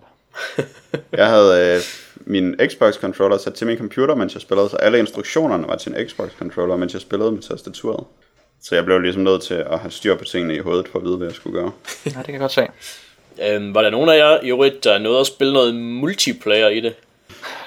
Altså, jeg havde læst om, hvad ham, der har lavet spillet, han sagde om multiplayer inden. Ja, Så nej, jeg overvejede ikke engang at prøve det. jeg, jeg, altså, jeg, jeg går ud fra, at det er sådan ren øh, af pligt, at det er sat på, altså. Øh, Det er faktisk øh, produceret af et andet øh, produktionsselskab. Nå, Altså, det var okay. 2K Games, der sagde, at der skulle være multiplayer. Ah. Og så var der et andet firma, der lavede en multiplayer, som ham, øh, der har lavet singleplayer-delen, øh, lederen af det, han har kaldt det en cancerous growth, den multiplayer-del, der er i spillet. okay. Så jeg tænkte, det, Ja. ja. det har vist ikke noget med oplevelsen at gøre, det holder jeg mig bare fra. Ja, altså, jeg, jeg sad også og tænkte, at hmm, det virker da sådan set lidt overflødigt, øh, det der multiplayer, men hvis det ligefrem er en, en hæslig kraftbylt, så, så tror jeg måske også bare, at jeg afholder mig fra at spille det. Men det er sådan lidt ligesom det, at spillet hedder Spec Ops, ikke også? Altså, hvor, hvorfor er det en del af Spec Ops-serien? Det er der jo ikke nogen grund til. Det virker også som noget, drengene i marketing har sagt. Ja. Det skal hedde ja. noget med Ops, så folk ved, hvad det er. Ja, Man kan ikke bare kalde det et spil The Line, og så ved folk, at det er et skydespil. Det er alt for kompliceret for forbrugerne. det er jo Spec det. Ops, så ved alle, hvad det handler om. En, øh, en sidste ting, jeg lige vil vide, det er, hvorfor tror I, det hedder The Line? Jeg tror godt, jeg ved det. Hvorfor hedder det The Line? Jeg tror, det, for- jeg tror, det handler om øh, en streg, som man kan krydse. Hvad hedder det? En streg i sandet. En streg i sandet, ja. Gå over stregen. Der er en streg, man kan gå over. Eller man kan trække en streg i sandet. Det handler om de moralske beslutninger i spillet. Ja, Om hvad, hvad man kan gøre, og hvorfor. Hvad der kan berettige at gøre ting. Ja, fordi tit er der jo en dualitet, eller en dualisme i sådan nogle, øh, i sådan nogle titler, men den her, den virker som om, den kun kan betyde det. det tror Ja. jeg. Ja. Så den kunne lige så godt bare hedde The Moral Dilemma. Det, det, igen, det ville måske være lidt for on the nose. Men okay, den hedder også Backups. ja. Pyha. Så, det, så ved den kunne vel have heddet, ja. den kunne have heddet hvad som helst. Nå, men det var, øh, jeg synes, det var spændende at høre jeres, øh, jeres oplevelse og tolkning af, af Backups. Det er lige før, at jeg får lyst til at spille lidt videre for at prøve nogle af tingene, men jeg har nok bare sådan spildt for mange timer på, på skydespil i 2012, og det må være noget, jeg må prøve at gøre knap så meget i 2013. Det synes jeg lyder fornuftigt. Det sidste emne, Dan. Jeg vil fra en linje til en trekant. Uh, vi skal til den kinesiske, skorstræk hongkongianske film Triangle fra 2007, som øh, har øh, tre instruktører. øh, Ringo Lam, Johnny To og Hark Sui, tror jeg. og de har hver instrueret 30 minutter af filmen. Øh, og det var sådan ret sjovt, fordi det var jeg ikke klar over, da jeg så den. Det var jeg først klar over bagefter. Så det er min oplevelse af filmen nok farvet af. Men der er som sagt de her tre øh, segmenter, så kan man sige, hver instrueret af en, af en instruktør. Og øh, første segment, det handler om de her tre, til dem, tre venner, der, øh, eller venner, eller bekendte, eller allierede, hvad man skal kalde dem, der øh, alle sammen beslutter sig for, at de mangler nogle penge på den ene eller anden måde, og øh, så øh, er der en, der har sådan nogle øh, kontakter til nogle kriminelle, der mangler en chauffør, og så prøver han at overbevise en af de andre, ah, så kom nu skal være for chauffør og sådan noget. Øhm, men i stedet for, fordi det virker sådan lidt for risikabelt, så beslutter de sig for, at der kommer sådan en mystisk fremmed og giver dem en guldmønt. og øh, han siger, at de skal stjæle sådan en mystisk kiste et, øhm, i, under wow, wow, wow, der, det giver ikke mening det der. Det må du lige sige igen. Hvad sker der? Jamen, så det er jo for risikabelt at være sådan en getaway driver. Så i stedet for, så kommer der den her mystiske fremmed ind på deres bar. Hvem, hvor kommer han fra? Jamen, han kommer ind for højre. Ah, okay. okay. og øh, han har sådan en guldmønt med, og den er ægte, det ved øh, ham antikvaren af de tre. Eller det, han undersøger den i hvert fald, og han finder ud af, at den er ægte. Og han øh, har så sådan et job til dem, hvor de skal stjæle sådan en mystisk kiste. Der, Jamen det, han giver dem jo ikke bare jobbet, Dan. Nej, det er rigtigt. Det vil være fornemt. Ja. Så hvad skal de egentlig gøre for at få at vide, hvad guldmønten er? Øh, hvad mener du? Altså det med, at de skal hacke hans hjemmeside, da de finder ud af, at han er død, ham de har fået guldmønten af. Og så skal de finde hans hjemmeside og gætte kodeordet. Og så kan de læse om den der skat og regne ud, at de skal stjæle den. Ja, ja, det er rigtigt. De, altså, de finder ud af, at han er død. øhm, og øh, ja, så skal de så lave det her job. Fordi, hvem ved, det er en bedre plan, end hvad de ellers har. Øh, ja. Og så gør de det. Det er ikke så svært igen. Og øh, så er en af de tre, har en kone, som har en affære med en politimand, og han fanger dem lidt, mens de stikker af med skatten. Der er lidt, ja, frem og tilbage, der sker der, og der er de her øhm, øh, forbrydere, der leder efter en getaway driver, der gerne vil tæve dem, eller dræbe dem, eller et eller andet. Og øhm, så i næste segment, øhm, det første er sådan ret kaotisk, men i næste segment, så øh, manden, hvis kone er øh, utro med en politimand, ham fyren, han øhm, får øh, has på politimanden, lænker ham i en eller anden lagerhal, og ringer til konen og siger, at hun skal komme derud. Og øh, konen øh, kommer så derud, og der er sådan lidt flippen frem og tilbage om, hvem der er, hvem der får hvem til hvad og sådan noget, men øhm, det, øh, det ender som, at hun får en af de her 20 koster sådan på, for det sådan en beklædning. Og det er jo, hun er jo herlig i den, sandsynligvis, og så øh, kommer de to andre venner, og øh, der sker en masse ting, så at konen bliver kørt over, og politimanden stjæler den her, øh, den her 20 koste genstand, øh, den her beklædningsgenstand, hun havde på. Og så jager de så i tredje segment politimanden rundt øh, i øh, nær sådan en madbar ved sådan en, øh, sådan en græsmark, og der kommer endnu en politimand, og øh, der kommer de der røver igen, og de skyder lidt på hinanden, og de slukker noget lys, og de tænder noget lys, og det er bare helt, det er bare helt skørt. Og, øh, og så slutter den. Uh, Jeg er glad for, at jeg ikke havde den chance der. Ja, ikke også? Um, fordi øh, ligesom dig, så vidste jeg heller ikke før senere, at den var instrueret af tre forskellige instruktører, som der havde aftalt, at de ikke rigtig ville vide, hvad hinanden lavede, og de ville ikke se hinandens manuskripter ja. igennem. Um, og så øh, lave en film, som jo ikke øh, hænger sammen. Det synes jeg godt, man kan sige. Um, og det gjorde det lidt svært at se den, ja. eller hvad? Og du, øh, havde du totalt falkeblik, Jack? Hmm, øhm, lidt på en måde. Jeg tror ikke, jeg vidste, at der var tre instruktører, men jeg vidste ikke, at de ligesom havde lavet hver deres del. Men det gættede jeg så i løbet af filmen, fordi der er, noget, der er sådan nogle stilskift lige pludselig. Egentlig så bemærker jeg det ved, at sådan lidt over en tredjedel ind i filmen måske, der opdagede jeg pludselig, at jeg hele tiden sad og tænkte, åh, det var godt nok, øh, det var sådan virkelig sikkert lavet cinematografisk og instrueret det der. Der kom sådan virkelig en øh, stilrenhed over den, som jeg tænkte var utrolig sej, og som jeg af en eller anden grund ikke havde bemærket i de første 30 minutter.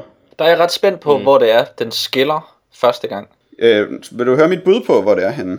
Ja. Fordi jeg er ikke helt sikker, og jeg har ikke tjekket det efter bagefter, men det er øh, der, hvor, øh, hvad hedder det, hvor politimanden, han dukker op og tager det. Altså specifikt den scene, hvor øh, lidt efter, der er Faye blevet kidnappet af de mm. der gangster, og sidder i bilen sammen med dem, og de skal lige så dræbe ham, så stikker han af fra bilen. Og så hopper han ned over sådan et hegn for at flygte fra dem, øh, og falder ind under et bord på sådan en mærkelig måde, og sparker bordet bagud, og så ham der, gangsteren der efter ham, der hopper ned, han lander oven på bordet. Ej, det var virkelig godt lavet. Ja. Og det er jo en utroligt sej scene. Og det var der, hvor jeg først begyndte at tænke det. Men så var der også mange af scenerne ude ved fabrikken med politimanden og konen. At det var sådan, wow, det er godt nok øh, flot og skarpt, det der. Og så tænkte jeg over det, og så sad jeg lidt og tænkte over det, og blev enig med mig selv om det. Og så øh, er der der ved rundkørselen, er jeg rimelig sikker på, at det sidste segment starter, fordi der tager det godt nok en skør drejning, synes jeg. Ja. Hvor de to første, dem kan jeg godt se, hvordan det gav mening, at de fulgte efter hinanden på en eller anden måde.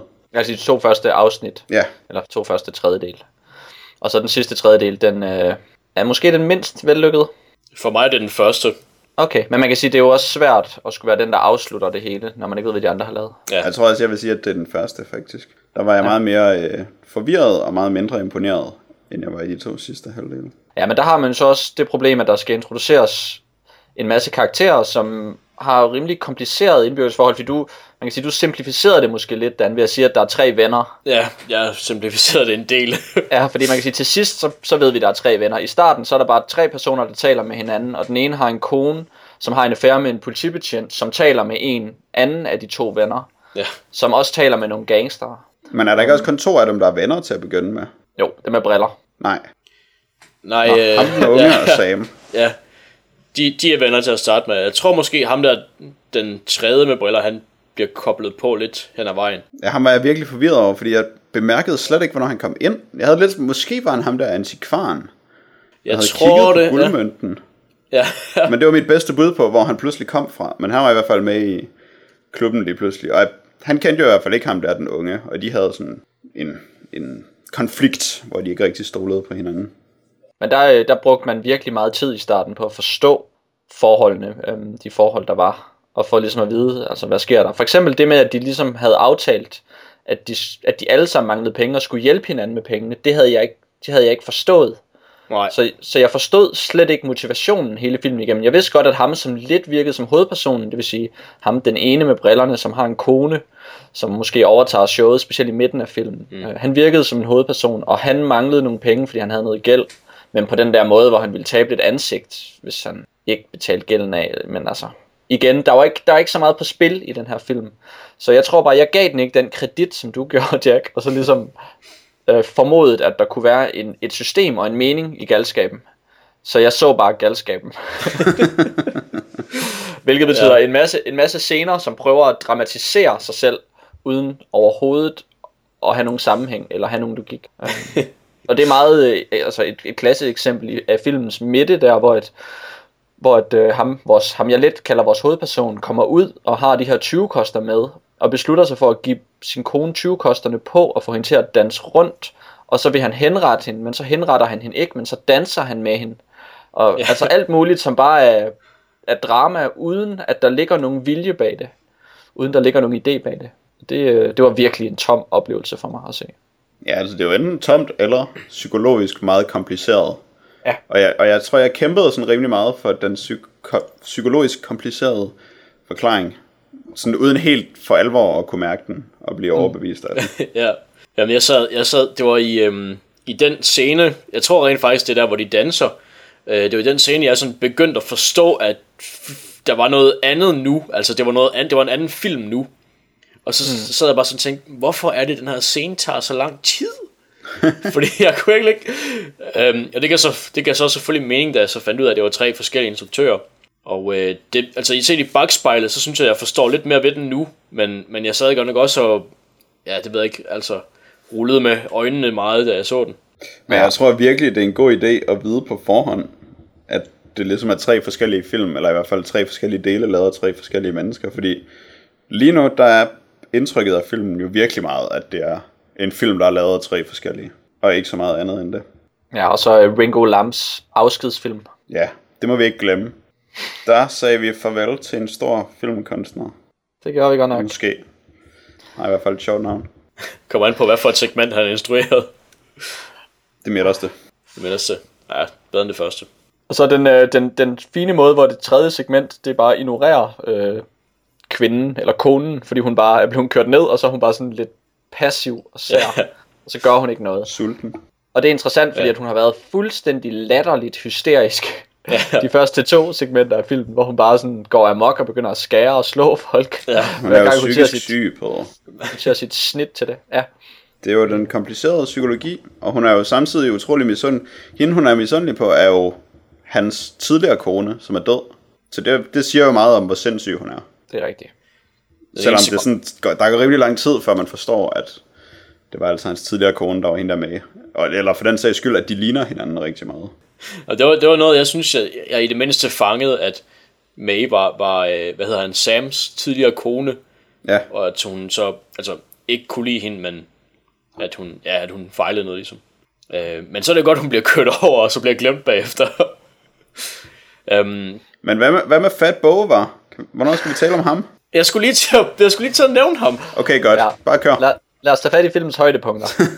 Ja, der er jo i sidste segment, hvor øh, hvad er det, de løber tør for benzin, er det sådan der? Ej, de punkterer, for der er sådan nogle Punkterer, ja. sømbrædder på Nå, ja, vejen. ja, selvfølgelig, de punkterer, ja. Det var hans fede scam. Ja, og så kommer ham der rednecken, der, jeg ved ikke hvad det er han fejler, men han kan i hvert fald ikke holde op med at ryste hovedet rigtig meget.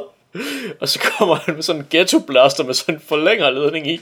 Der spiller sådan noget dumt 90'er trance eller sådan noget. Og så vil han, så vil han sælge dem fire dæk for 2.000 dollars eller sådan noget. Det var sjovt. Det var det faktisk. Han virker godt nok bare fucked up. Meget helt imponeret over. Altså, det virker sådan rimelig svært at spille folk med spastiske lammelser, eller hvad man skal kalde det her, men det er godt nok bare ubehageligt, den måde, han bevæger sig på og opfører sig Om på. rigtig meget. Han var sådan en fed mand med et klamt overskæg, der bare ryster helt vildt, og har sådan virkelig bare kniver sine øjne sammen og kommer alt for tæt på folk. Og så råber han det der morning, når han kommer bævrende hen over bakken. Det, han er bare et syn ud af et mareridt. Han var, han var sgu god, altså. Så det var virkelig fedt. En lille overraskelse. Det og den franske hotdog. ja, ja, det var egentlig også lidt sejt. Vil du, ikke, vil du ikke lige fortælle om den bøde? Altså, der er ikke, altså den, den starter med at være en mærkelig, et, en, en mærkelig rekvisit øhm, i en scene, hvor at politimanden og øh, konen, dem der så er, øh, har et, et, et hemmeligt forhold, øhm, er, er romantisk investeret i hinanden. De sidder og overvåger vores, vores tre hovedpersoner, mens de er på vej ind i, øh, hvad det butikken hedder. Øhm, den har et vildt fedt navn, hans øh, Sacred Antique Land. Ah, ja. Øh, og så sidder de over, øh, over dem, og så, så spiser øh, han en fransk hotdog, politibetjenten, og så øh, giver han den til hende, og så laver hun sådan et forsøg på sexet at spise fransk hotdog, som virkelig er mærkeligt. Hvor, hvorefter at, øh, at det viser sig, at de er på vej ud af Sacred Antique Land, de tre gutter, og så skal politibetjenten så gemme hende, fordi de må selvfølgelig ikke se hende, for så, øh, ja, de vil genkende hende. Og så hiver han hende sådan helt ned til sit skridt, på sådan en også alt for mærkelig, mærkelig måde. Øhm, og det er så, så ser vi ikke mere til den her franske hotdog, indtil øh, i, i midten af tredje segment, hvor at, øh, hende konen, hun er jo så blevet påkørt og blevet bims og pacificeret, og så staver hun bare sådan øh, paralyseret zombieagtig hen til den her bil, når hun, når hun finder den efter ham der, den, den psykedeliske tykke transfyr har punkteret alle dækkene. Så finder de den anden bil, som er punkteret, og så øh, på forsædet, så ved hun at selvfølgelig, at der er en fransk hotdog, og så går hun hen og begynder at spise fransk hotdog. Fuck, det er det var- sejt. Den havde jeg slet sådan- ikke fanget. og det var sådan noget, som jeg kunne sætte pris på i den her film. Jeg, Blandt, øh, jeg synes også, det var ret sejt. ja. Så det var sådan set bare det, hun ville. ja. Det er virkelig godt. Det var rigtig godt. Det er det, man får ud af at have tre, øh, tre instruktører. ja. Det er, når de rent faktisk laver noget sammen. Tre forskellige tolkninger af en fransk hotdogs rolle i en Hong Kong action thriller. Det kan man sige. Men den sidste del af den sidste del er godt nok noget kedeligt råd. Det bliver altså en meget, meget utilfredsstillende slutning. ja. Og en sindssygt Ja. kedelig skydescene, hvor de bare står i sådan en kornmark og skyder efter hinanden. Ja, det er sådan, det er sådan lidt Benny Hill-agtigt, er det ikke det? At de sådan lidt, lidt løber rundt i ring og skyder på hinanden. Altså, det virker ikke som om, at filmen tager sig selv alvorligt nok at lave den scene. Ikke i den del af filmen i hvert Ikke i fald. den del, altså. Der, der synes jeg, at det måske er meningen, det skal være lidt humoristisk, men jeg ved ikke, altså det var ikke så sjovt, det var bare sådan lidt plat. Men altså også bare hele plottet med, at vi har de her fire karakterer, som kommer hen til et fuldstændig afsides sted, hvor de ved, at politibetjenten er med skatten til 8 millioner dollars. Ja. Og deres plan er så at finde en, en lignende papirspose, og så gemme sig bag ved en disk i flere timer, for på et tidspunkt måske at kunne bytte den der papirspose ud med en ringer. Altså hvorfor går de ikke bare hen og tager det fra ham, eller et eller andet. Ja, så er det jo heldigt, at der dukker nogle gangster op med en papirspose man til. Ja. Og en anden gangster med en papirspose mere man til. Og Fat Bo har piller i en, papirs, i en Ja. pose man til. Og så går lyset ud. Gæt, hvad der sker. Ja. Ja. Åh, ho, ho. QE86. Han kommer ikke til at kysse den forkerte på kinden, desværre. Det kunne have været sjovt. Der sk- ja, men det er jo en, en kikset krimifarse, som Ja. ikke bliver til noget. Um, og så et forsøg på at afrunde filmen til sidst med en super kikset sneaky gun move. ja. ja, du får lov til lige at, Ja. at levere.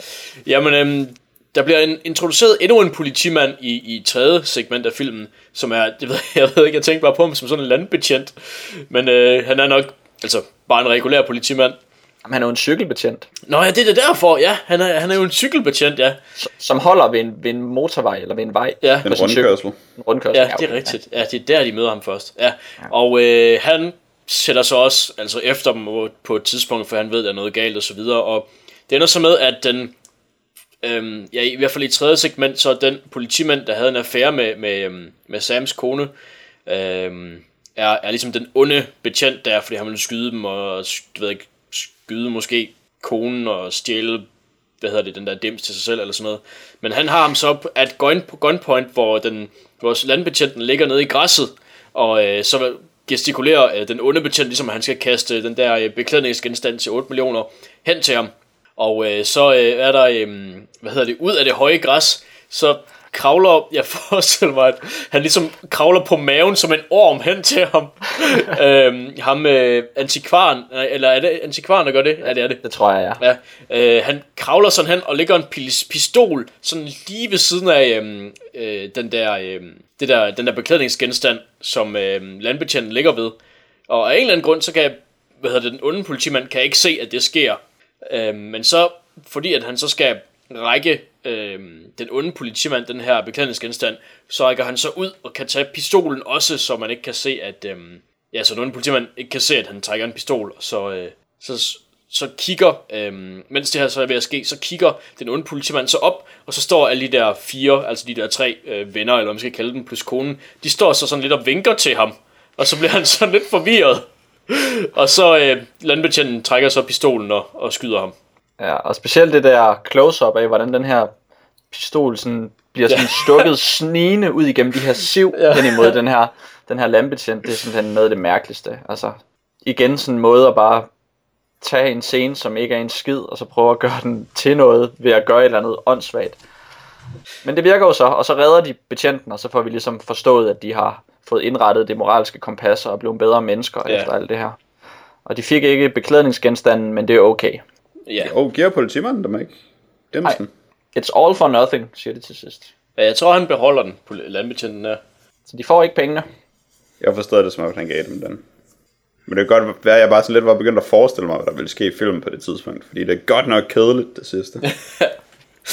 Ja, Det var det. Det var Triangle. det var det. Af interessante noter noterede jeg mig, at dialogue recordist til filmen var Marie-Louise. Det må jeg nok sige. Marie-Louise, hvis du sidder derude og lytter.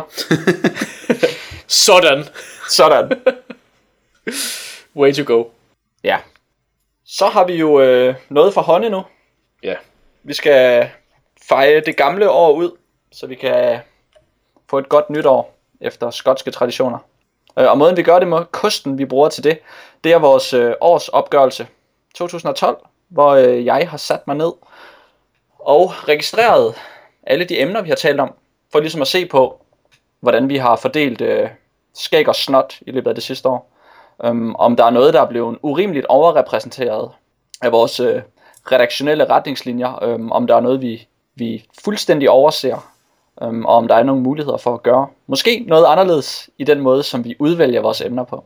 Og det har, jeg så, øh, det har vi så publiceret i forbindelse med den her podcast, så det kan man downloade inde på DDKK Podcast. Hvis man lige læser noget af det der lækre tekst, så kan man sikkert også finde et link, og så, øh, så kan man kigge på det her lille 60-siders pdf-dokument, som opgør, hvad vi har talt om. Har I øh, kigget på det? Ja, Ja. Var det spændende læsning? det måde. var det.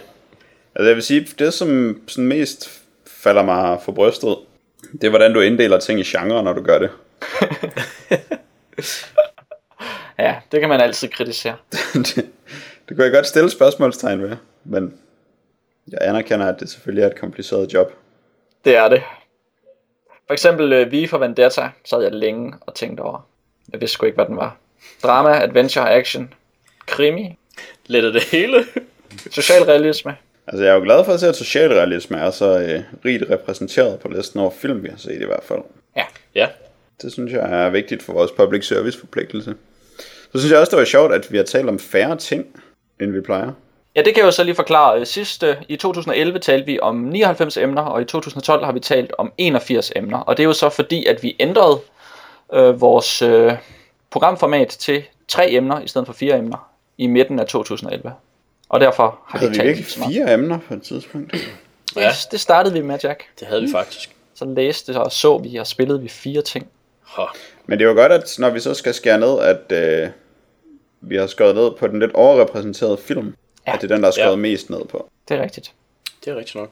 Vi har set 28 film i år, hvor størstedelen af dem har været skrækfilm. Um, Ja, der, der er lidt en, øh, en tendens der, kan man sige. Man mangler måske lidt sådan øh, noget lidt mindre genrepræget. Et godt gedin drama på en eller anden måde. det er præcis. Nul rene dramaer. Det er meget genrepræget det hele. Lad os sige, at Naga kan man vist ikke kalde nogen genre. Udover socialrealisme selvfølgelig. Ja, The Cooler kunne man nok måske også godt mm. ligge over i, i drama-bunken. Så krimi er den jo egentlig ikke. Vores uh, Vegas-film med... Ja. Ja. Uh, Åh, ah, Mr. Forgettable. Mer... Men... Med... Hvad fanden er det, han hedder? Ma- Ja... Det er godt det der. Med... William H. Macy. Ja, ja, selvfølgelig. Det var så tæt på. Jeg vidste det hele tiden. Du skulle bare, du skulle bare sådan høre os dumme os et stykke tid. Men der er to ting, som der er kommet flere af, i stedet for færre end sidste år. Og det er computerspil og litteratur. De to under litteratur, det er så uh, magasiner, som vi har talt om i forbindelse med vores specielle um, danske nørdmedie-tema. Uh, og så computerspil, som vi har gjort mere. Hvis vi ser på det, computerspillene, så har vi jo spillet en masse snigespil, Jack. Ja, Kom- Kommer vi også til at gøre det i 2013? altså jeg håber det jo ikke, for jeg kan ikke lide dem. Nej. Øhm, men vi har været meget... Øh, det er sjovt, at 2D-action er en genre, synes jeg. Og at Ja. det er det, vi har gjort mest. Ja. Ja, Det var lidt slanten. Jeg vidste ikke helt, hvad jeg skulle kalde den. Men det er spil som Hotline Miami, Contra, Insanely Twisted, Shadow Planet og The Binding of Isaac. Tre af dem klassiske indie-spil med sådan lidt 2D-grafik, og så Contra som et gammelt 2D-spil. Så Men jeg har virkelig lyst til at sige, at der er et eller andet ved computerspil, som vi gør for meget eller for lidt. Eller... Men vi er bare utroligt afbalanceret i vores dækning af computerspil. Vi kommer virkelig langt omkring. ja det må man faktisk sige. Men ideen med det her er jo også, at øh, I lyttere kan kigge på det her, eller øh, vurdere jeres mavefornemmelse, og, og, og måske øh, ret henvendelse og foreslå en genre, eller et, en specifikt øh, spil, eller tegneserie, eller litteraturtype, som, øh, eller emne, som øh, vi kunne tage op, for ligesom at, at dække nogle af de blinde vinkler, og måske komme lidt væk fra ting, der er for, måske for genreagtige i, i filmhenseende, øhm, eller nogle computerspil, vi slet ikke har overvejet, Ja, Eller noget tv. eller noget tv, Også som det. kunne være fedt at tale om. Altså især er det jo altid sjovt at se... Øh... Altså fordi tv er jo en, en bred ting. Der burde jo være meget tv, som man kunne se. Men vi ser ja. mange tv-serier. Mm. Og ikke så mange andre slags tv. Det er rigtigt. ja det er faktisk rigtigt. Og jeg, vil altså, jeg- jeg synes, vi ser alt det andet tv, som vi kan komme i tanke om. Men det kunne være fedt, hvis der var nogen, der kunne se, hvor det tydeligvis var, at vi havde en blind vinkel. Jeg husker jo faktisk snakken om Mall Cops Mall of America som rimelig sjov. Ja, Ja, måske var den faktisk det. det var et forfærdeligt tv-program. Det var det godt nok. Ja, Og det kunne være fedt med forslag til gode noveller, som vi kunne læse. Ja, det er også det, det. det er den måde, det bliver let at få mere litteratur ind på, og det er jo stadig det mest underrepræsenterede emne. Hvad mindre man tegnet sig over i litteratur og så videre, men altså, I ved, Ja. hvad jeg mener. Det er det. Vi har jo desværre Rigtig ikke altid... litteratur. Ja, vi har desværre ikke altid så, øh, så god tid til at læse hele romaner, fordi det, det tager bare en masse tid. Så det der med noveller, det vil også være, det synes jeg også, det vil være rigtig sejt. det det. Og det er svært at gøre med et dovent øje. Ja, Så hvis man så ser på den, øh, den grafiske oversigt, det vil sige sådan et, øh, et tærtediagram, så får vi jo faktisk en rimelig god repræsentation af tre tredjedel, hvor der er en tredjedel film, en tredjedel spil, og så en tredjedel kombineret tegneserier, tv og litteratur. Det er ikke meget galt. Mm. Og det, det er vel fint nok, eller er det for meget computerspil? Er det for meget film? Det kan vi måske overveje. Øh, altså især med tv og litteratur, der er det jo åbenlyst, at øh, det er tit ting, som tager rimelig lang tid. For eksempel at se en tv-serie er mange afsnit, og ja. en roman er en lang ting. Så de må næsten i sagens natur blive lidt mindre. Tegneserier. Hvor mange dårlige tegneserier? Den kunne måske godt... Øh, den burde måske have en, altså en fjerdedel så. Hvor tv og litteratur var en fjerdedel, tegneserier var en fjerdedel, spil var en fjerdedel, og film var en fjerdedel. Men så er der også noget med kulturel penetration. Altså hvad er mest udbredt, og hvad er vigtigst, og hvad bliver der derfor lavet mest af, hvor mm. film og spil. Spil måske kun i penge, i hvert fald vinder en, en meget stor del af kulturen. Stor kulturandel. Det er rigtigt nok. Og så er der alt det der tv, som er sådan noget sendeflade tv, som der åbenbart er mange mennesker, der går op i, men som vi ikke ved noget om. Ja, det kunne være, det kunne være fedt at få nogle forslag øhm, til noget. Hvis nogen øh, sidder, sidder og tænker, at de lige ved, hvad der mangler for at gøre DDKK podcast, den tand mere relevant og interessant. Ja, noget med Søren Ryge eller et eller andet. Ja, det vil være rigtig godt. Bunderøven måske. ja. Åh oh, nej, ikke bunderøven. ikke bunderøven. Vil I ikke nok lade være med at foreslå det, lyttere? Godt, men det var så et lille redaktionsmøde on air, hvor vi fik vendt nogle af de ting, som vi jo typisk taler om, når vi holder redaktionsmøder. Men generelt set, så ser det jo skide godt ud med de her fordelinger her. ja, det ser rimelig godt ud. Altså man kan sige, skrækfilm og superhelte, det er jo, det er, det er jo de to største ting overhovedet i det DKK podcast. I kulturen. I kulturen. Så, så, jeg er man, så, kan, så kan man sådan kigge lidt over til Jack der. ja, helt ærligt Jack, vil du godt prøve at tage den her podcast lidt mere seriøst? jeg har altså holdt op med at se gyserfilm. ja, det kan man fandme ikke se. Næste år. Så skal I bare se løjer. Uh, ja. Yep. Så foreslår jeg kun seriøse dramaer. Det bliver skide godt. Det var øh, en hurtig gennemgang af DDKK podcast årsopgørelse 2012. Det vil vi nok gøre igen om cirka et år, når vi har lavet et års podcast mere. Det bliver fedt. Ja. Øhm, I forbindelse med fedt, så skal vi også lige sige tak til alle de øh, folk på Facebook, som øh, var inde og give os positiv feedback på en artikel fra Dagbladet, som vi offentliggjorde på Facebook. Øhm, det er fedt at, at få en masse positiv feedback og lykønskning og sådan kommentarer til, til, hvad der foregår. Så det er vi glade for. Og vi vil også gerne sige tak til alle dem, der gik ind på ddkpodcast.dk for at gå ind på European Podcast Awards for at stemme på os til den afstemning, som jo er lukket nu. Sandsynligvis. Man ved det aldrig. Ja, okay. Man ved det ikke med sikkerhed. Men formodentlig er den lukket, og derfor finder vi nu ud af, hvem der har flest venner i den danske podcastverden. Ja. det bliver spændende. Det gør det. Um, ja, vi har ikke uh, lige noget post, vi skal læse op, men uh, hvis I sidder inde med noget post, så uh, tænker jeg faktisk her, Dan, at, uh, at du, er, du, du har jo fået en ny chance. Ja. Du plejer jo at være ham, som finder på en e-mailadresse. Det er rigtigt. Men det er du ikke længere. Nej. Du er vores, uh, vores lokale... Uh, hvad fanden hedder sådan noget? Quiz, quizmaster. Ej. Quizmaster, der... Satiretegner. ja. DDKK podcast, svar på Kurt hvad hedder han, Vestergaard. ja, det er mig. Det er dig. Så derfor så skal du ikke længere finde på en e-mailadresse. Yay. Vores e-mailadresse er bare postsnabelag, ddkkpodcast.dk. Skriv endelig, hvis I har nogle kommentarer, eller hvis I vil invitere os til TV MidtVest, eller et eller andet.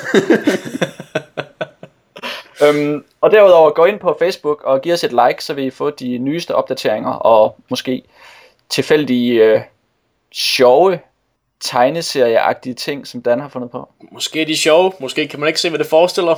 Jeg lover ikke noget. Okay. Men det bliver sat i søen øh, snart. Ja. Øhm, så det var alt for vores episode 62. Afsnit 63 vil udkomme om lige præcis 14 dage, og det er januar 30 2013. Awesome. Farvel og tak.